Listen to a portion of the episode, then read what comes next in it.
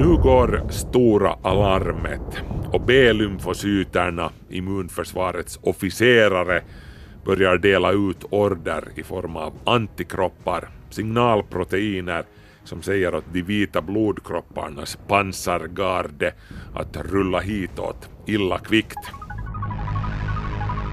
10, 9, 8, ignition sequence start. 5, 4, 3, 2, 1, 0. Quantum leap. Saut quantique. Salto quântico, salto quântico, salto quântico. Kvantinsprung. Salto quântico. Salto quântico. Salto quantico. Kvantum, det du inte visste att du ville veta. Sedan coronapandemin började, och jösses det är ju, det är ju snart redan två år sedan. Nå, hur som helst, sedan den började har jag då och då snackat om det hela i krigstermer. Kriget mot viruset. Immunförsvarsmakten går till motattack. Vi mot viruset. Det här har inte alla uppskattat. Att reducera det hela till militära liknelser har uppfattats av vissa som att, som att jag vill reducera oss, reducera vår mänsklighet. Vi är människor, inte levande slagfält för mikrober. Nå, ja, no, det är ju sant förstås, men jag hävdar att det ena inte utesluter det andra. Var och en av oss är naturligtvis en unik individ med ett odelat människovärde, inget snack om den saken. Men samtidigt är våra kroppar otroligt komplicerade helheter. Min kropp till exempel består av någonting i stil med 37 biljoner celler. Är det 12 eller 13 nollor? Nu kommer jag inte ihåg på rak arm. I alla fall så, de här cellerna är organiserade enligt väldigt specifika funktioner och hierarkier. Enligt en strikt militärisk marschordning vill jag påstå. Vi människor vi har ju diskuterat meningen med livet så länge som vi överhuvudtaget har diskuterat saker. Och här går åsikterna isär. Vissa säger att meningen med livet är att bli lycklig, andra säger att det är segling, vissa menar att det är 42.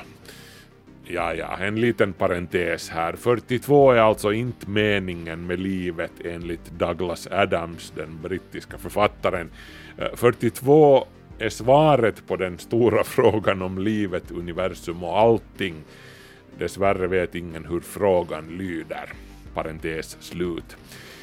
Men man kan också alltså välja att se meningen med livet som överlevnad, helt enkelt. Hävda dig i konkurrensen med alla andra livsformer här på jorden, av vilka de, de flesta vill ha livet av dig och äta dig till lunch. Det och föröka dig.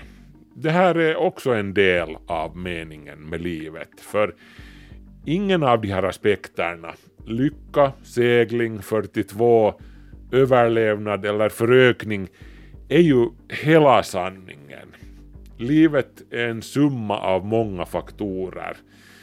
Och en av dem är kriget mot mikroberna och virusen. För våra kroppar är, också om vi inte tycker om att tänka på det, veritabla slagfält. Det allra mesta av, av kriget inom oss märker vi ju inte ens av, om vi har tur. Kanske får vi lite feber eller någonting sånt. Vår immunförsvarsmakt avvärjar ofta fientliga angrepp utan att vi ens vet om att de inträffade. I veckans kvanthopp ska vi alltså friska upp minnet beträffande det här. I pandemins inledande skede, för nästan två år sedan, gjorde jag ett inslag för kvanthopp med rubriken Immunförsvarsmakten och kriget inuti oss. Och det slog mig att det kanske kunde vara på sin plats med en liten repetition nu, när alla har fått lite perspektiv på det hela, efter nästan två år i coronaskyttegravarna. Som sagt, det är en brutal planet det här där allting vill döda nästan allt annat. Utom virusen, ironiskt nog. De vill ju de facto ingenting. De tänker inte, de har ingen strategi. Virus är inte ens liv i ordets fulla bemärkelse. De är bara naturen som kastar lite skräp på väggen och ser vad som fastnar. Men det betyder ju förstås inte att vi inte måste försvara oss också mot dem ändå. Och det är här som våra kroppars immunförsvarsmakt kommer in. Det är en kapprustning det här, en som har pågått sedan urtidens dimmor. Välkommen till Kvanthopp i vilket fall som helst. Jag heter Markus Rosenlund. Och nu, repetitio est mater studiorum. Det följande inslaget sändes i pandemins inledande skede i början av april 2020.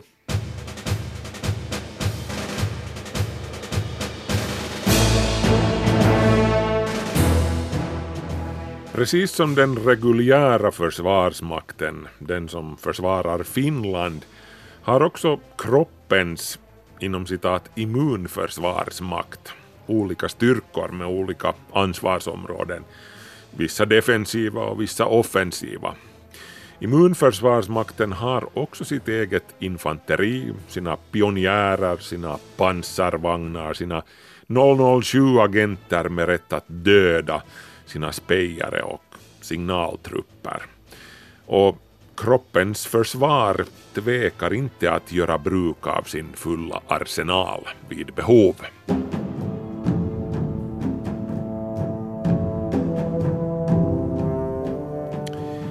Våra kroppar är otroligt komplicerade helheter med miljarder celler som var och en för sig är otroligt komplicerade helheter.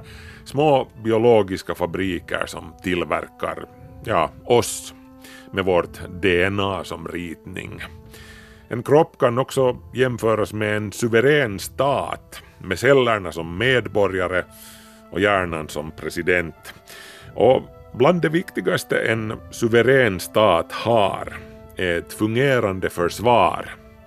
Inte minst i tider då invasion hotar i form av fientliga virus, som nu.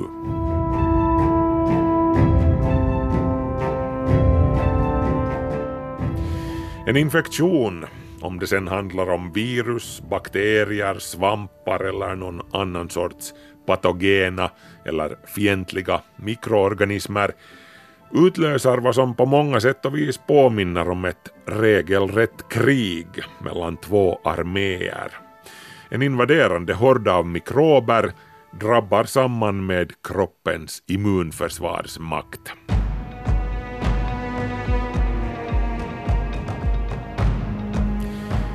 Trumpetstöten som startar anfallet kommer i form av en fientlig antigen som försvaret spanar in. Ordet antigen är en sammansättning av antibody generator, antikroppsgenerator. Det är en kemisk substans på inkräktarens yta, ofta i form av ett protein eller en kolhydrat som ditt immunförsvars radar spanar in fiendens uniform eller kännetecken liksom. Nu går stora alarmet och B-lymfocyterna, immunförsvarets officerare, börjar dela ut order i form av antikroppar, signalproteiner som säger åt de vita blodkropparnas pansargarde att rulla hitåt illa kvickt. I stridens hetta stiger också kroppstemperaturen Immunförsvaret beordrar de vita blodkropparna att skicka ut små signalmolekyler som kallas cytokiner. Kroppen vet nämligen att mikrober inte tycker om när det är för varmt. Så värmecentralen i hjärnans hypotalamus reagerar med att låta musklerna göra sammandragningar, vilket skapar värme. Slutresultatet feber.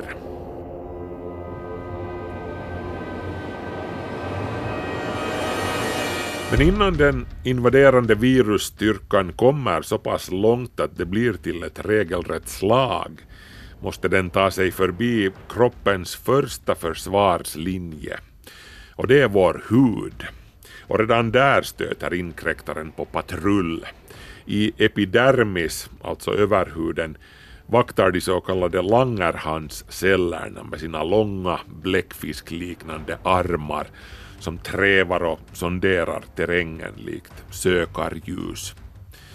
Langerhanscellerna de är vita blodkroppar och så kallade fagocyter. Det är grekiska för cellätare ungefär. Och de slukar bokstavligen inkräktare. Om det sedan är mikrober, smutspartiklar eller kroppens egna döende celler. VAR består huvudsakligen just av döda fagocyter som har uppslukat bakterier eller celler. De Langerhanska cellerna är det främsta ledet av fagocyter, bredaxlade och biffiga gränsbevakare. De slår på blåljuset och kör ner till dermis, alltså lederhuden, där de underrättar försvarets larmcentral, alltså lymfkörtlarna. Lymfkörtlarna i sin tur de sätter utan dröjsmål igång med att göra fler infanterisoldater, det vill säga vita blodkroppar, som omgående skickas mot det angripna området. Lymfkörtlarna är alltså en del av kroppens dräneringssystem som också ingår i kroppens militärindustriella komplex så att säga. I systemet ingår organ som mjälten, brässen, tonsillerna och benmärgen till exempel.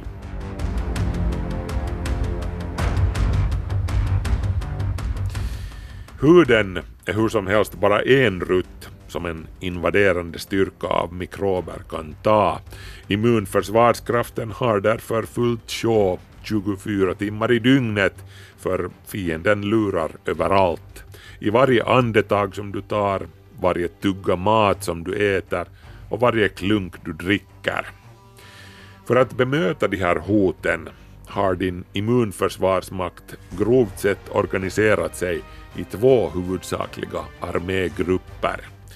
Det nativa eller medfödda försvaret och det adaptiva, det som vår kropp utvecklar med tiden och erfarenheten.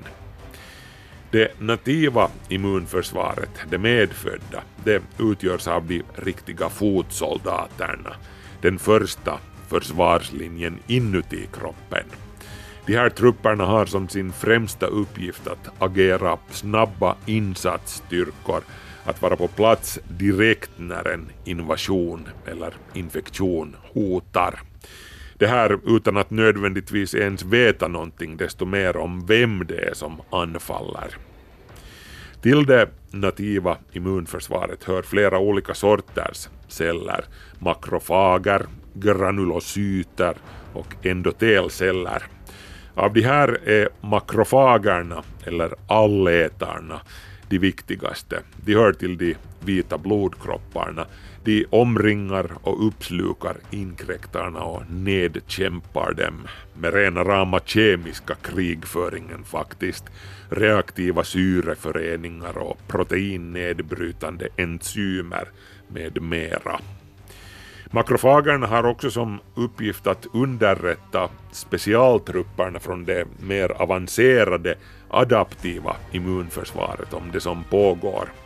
De tillkallar kavalleriet liksom via kemiska signaler och genom direkt interaktion via olika receptorer. Olika vävnader har sina egna respektive kårer av makrofager. I huden kallas de som sagt Langerhanska celler. I levern går de under beteckningen kupferceller. Också i lungornas alveoler finns det egna makrofager. Makrofager har också en egenskap som vilken general som helst skulle betala nästan vad som helst för att förse sina soldater med.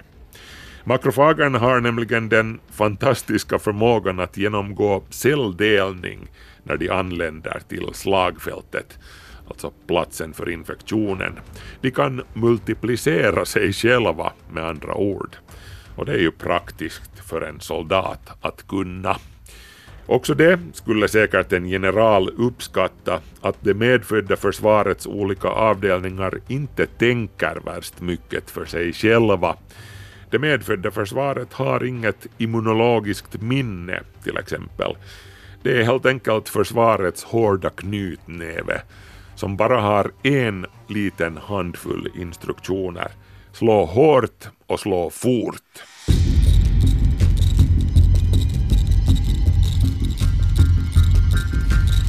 Det medfödda försvaret inkluderar också allsköns passiva komponenter, lite som minfält, taggtråd och diverse hinder. Huden hör ju delvis dit. Den är en ogästvänlig miljö för mikrober i sig. Men också magsäckens saltsyra, olika slemhinnor och luftvägarnas cilier eller flimmerhår ingår i den här försvarslinjen. Sedan, ett steg upp på gradskalan, har vi det specifika eller adaptiva försvaret. Nu snackar vi om specialstyrkorna, inklusive underrättelsetjänsten och kontraspionaget. Och rena rama 007-agenterna med rätt att döda också faktiskt. Också här hittar vi vita blodkroppar beväpnade med diverse specialfunktioner den här gången, avsedda för en enda sak, att göra processen kort med fienden. Men det adaptiva försvarets divisioner är lite mer invecklade till sin uppställning och kräver lite mer mobilisering. Det kan ta uppemot en vecka innan det adaptiva försvarets kavalleri eller pansarstyrkor dyker upp på slagfältet. Men då de en gång kastar sig in i striden är också de skoningslösa mot invaderande virus och andra inkräktare. En av de viktigaste avdelningarna inom det adaptiva försvaret och inom hela din immunförsvarsmakt är B-cellerna som redan nämndes. B-lymfocyterna kallas de också. Också de är en sorts vita blodkroppar. De bildas i benmärgen. Benmärgen är för övrigt lite som kroppens Dragsvik eller Nylands brigad där nya rekryter trycks fram och utbildas för sina respektive uppdrag. B-cellen deltar inte så mycket direkt i striderna. Den är lite som en general eller en överste som tar emot inkommande rapporter och delar ut befallningar till underlydande celler, befallningar i form av antikroppar. Antikropparna de är en sorts proteiner som immunförsvaret använder sig av för att identifiera och sortera diverse fiender som virus, bakterier eller parasiter. Med hjälp av antikropparna för B-cellerna bok över de inkräktare som de stöter på så att de snabbt och effektivt ska kunna aktivera motoffensiven nästa gång samma hot uppenbarar sig. B-cellernas färdigheter beror helt på vilken sorts utmaningar de har varit med om i det förgångna. De blir mer erfarna och smartare med tiden varje gång du utsätter dig för olika sorters infektioner. Isolerar du dig för mycket, går du aldrig någonsin ut, då kommer du att vara en enkel måltavla för fienden den dag du går ut, eftersom ditt adaptiva försvar i praktiken är helt otränat.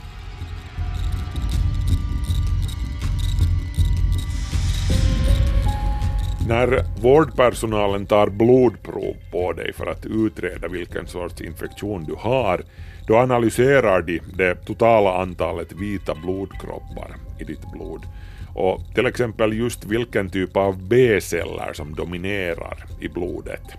Det här berättar om vad ditt adaptiva försvar har haft för sig och, och vem det har kämpat mot, liksom. Vid sidan av B-lymfocyterna strider en annan avdelning av specialstyrkor med sina egna taktiska positioner, T-lymfocyterna eller T-cellerna. De mognar i brässen eller thymus, därav namnet T-cell och den är alltså belägen bakom bröstbenet. T-cellerna uppträder i tre olika skepnader.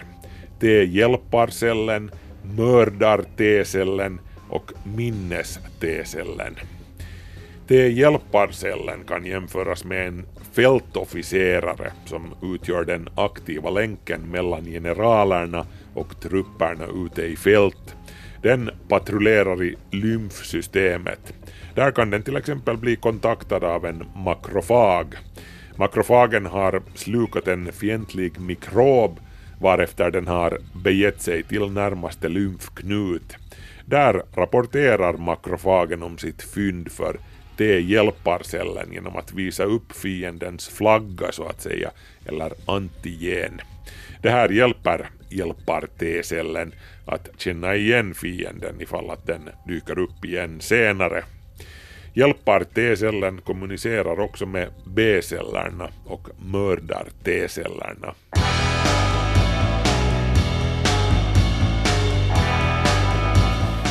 Mördar T-cellerna, ja. Cytotoxiska T-celler kallas de också för. De är kroppens egna små James Bond-celler eller elitsoldater som kallas in för att göra processen kort med infekterade celler. Virus de fungerar ju så att de tar sig in i våra celler där de programmerar om cellens fabrik liksom till att tillverka kopior av viruset självt. Och en sådan cell är ju förlorad helt enkelt. Då återstår ingenting annat än att tillkalla mördar-T-cellen som kommer och injicerar ett dödligt inom citat gift, ett specifikt protein då närmare bestämt i den infekterade cellen för att eliminera den. Alternativt kan mördar-T-cellen också beordra den infekterade cellen att begå självmord, rätt och slätt. Apoptos eller programmerad celldöd kallas det här. Mördar-T-cellen beordrar för övrigt inte om den här sortens kamikaze-operationer bara för virussmittade celler utan också för cancerceller. Mördar-T-cellerna de kan arbeta självständigt så att säga bakom fiendens linjer utan order från högkvarteret med andra ord. Men de jobbar ofta i samarbete med hjälpar-T-cellerna som bistår dem med license to kill-koordinater så att säga. Sedan har vi ännu minnes-T-cellerna som kan jämföras lite med veteraner kan man säga. Krigsveteraner som sitter på den fördjupande kunskapen om och minnet av fiender som de har drabbat samman med. På ett motsvarande sätt som B-cellerna har de som uppgift att föra bok över kroppens interna krigshistoria. Inte av nostalgiska skäl men för att vara bättre förberedd nästa gång samma fiende stormar murarna.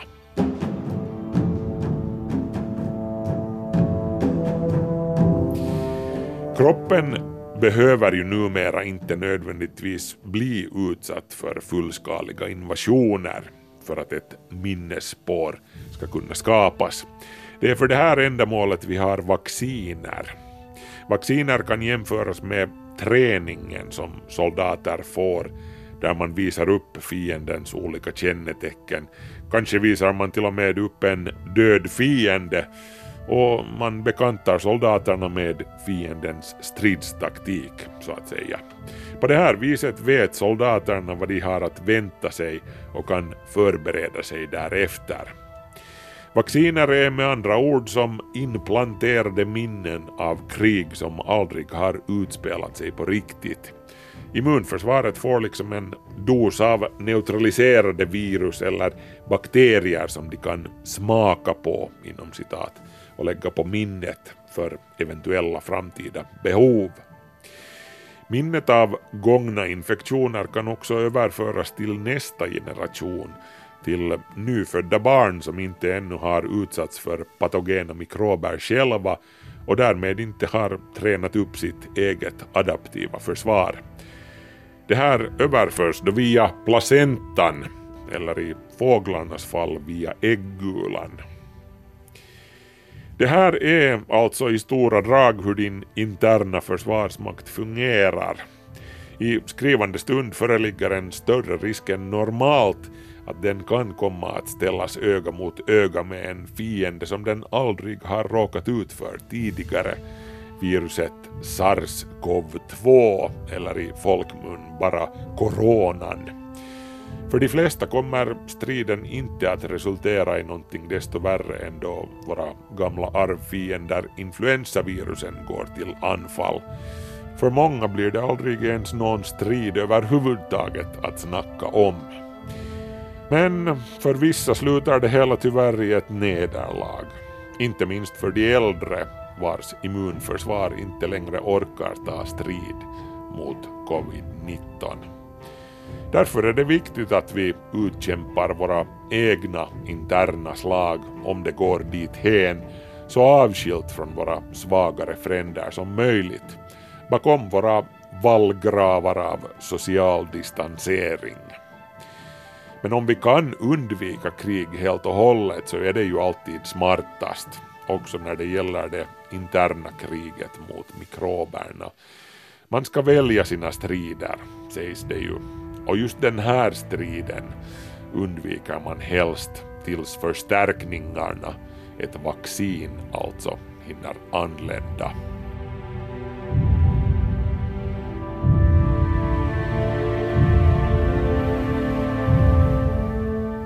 Så lät det då i början av april 2020. Då var ett vaccin mot covid-19 ännu skrämmande avlägset. Eller så kändes det i alla fall. Ingen visste.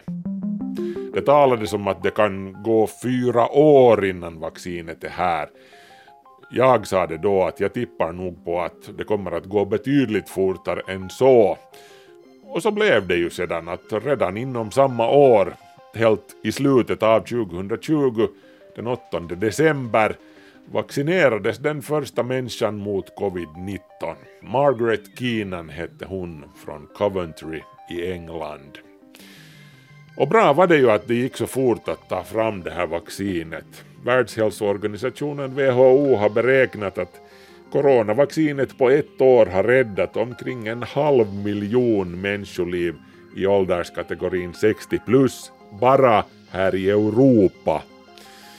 Nästan 9,5 miljarder vaccindoser har injicerats världen över under det gångna dryga året med vaccinet. Med väldigt små biverkningar dessutom sett i relation till hur många som är vaccinerade. Nästan hälften av världens befolkning är just nu fullt vaccinerad.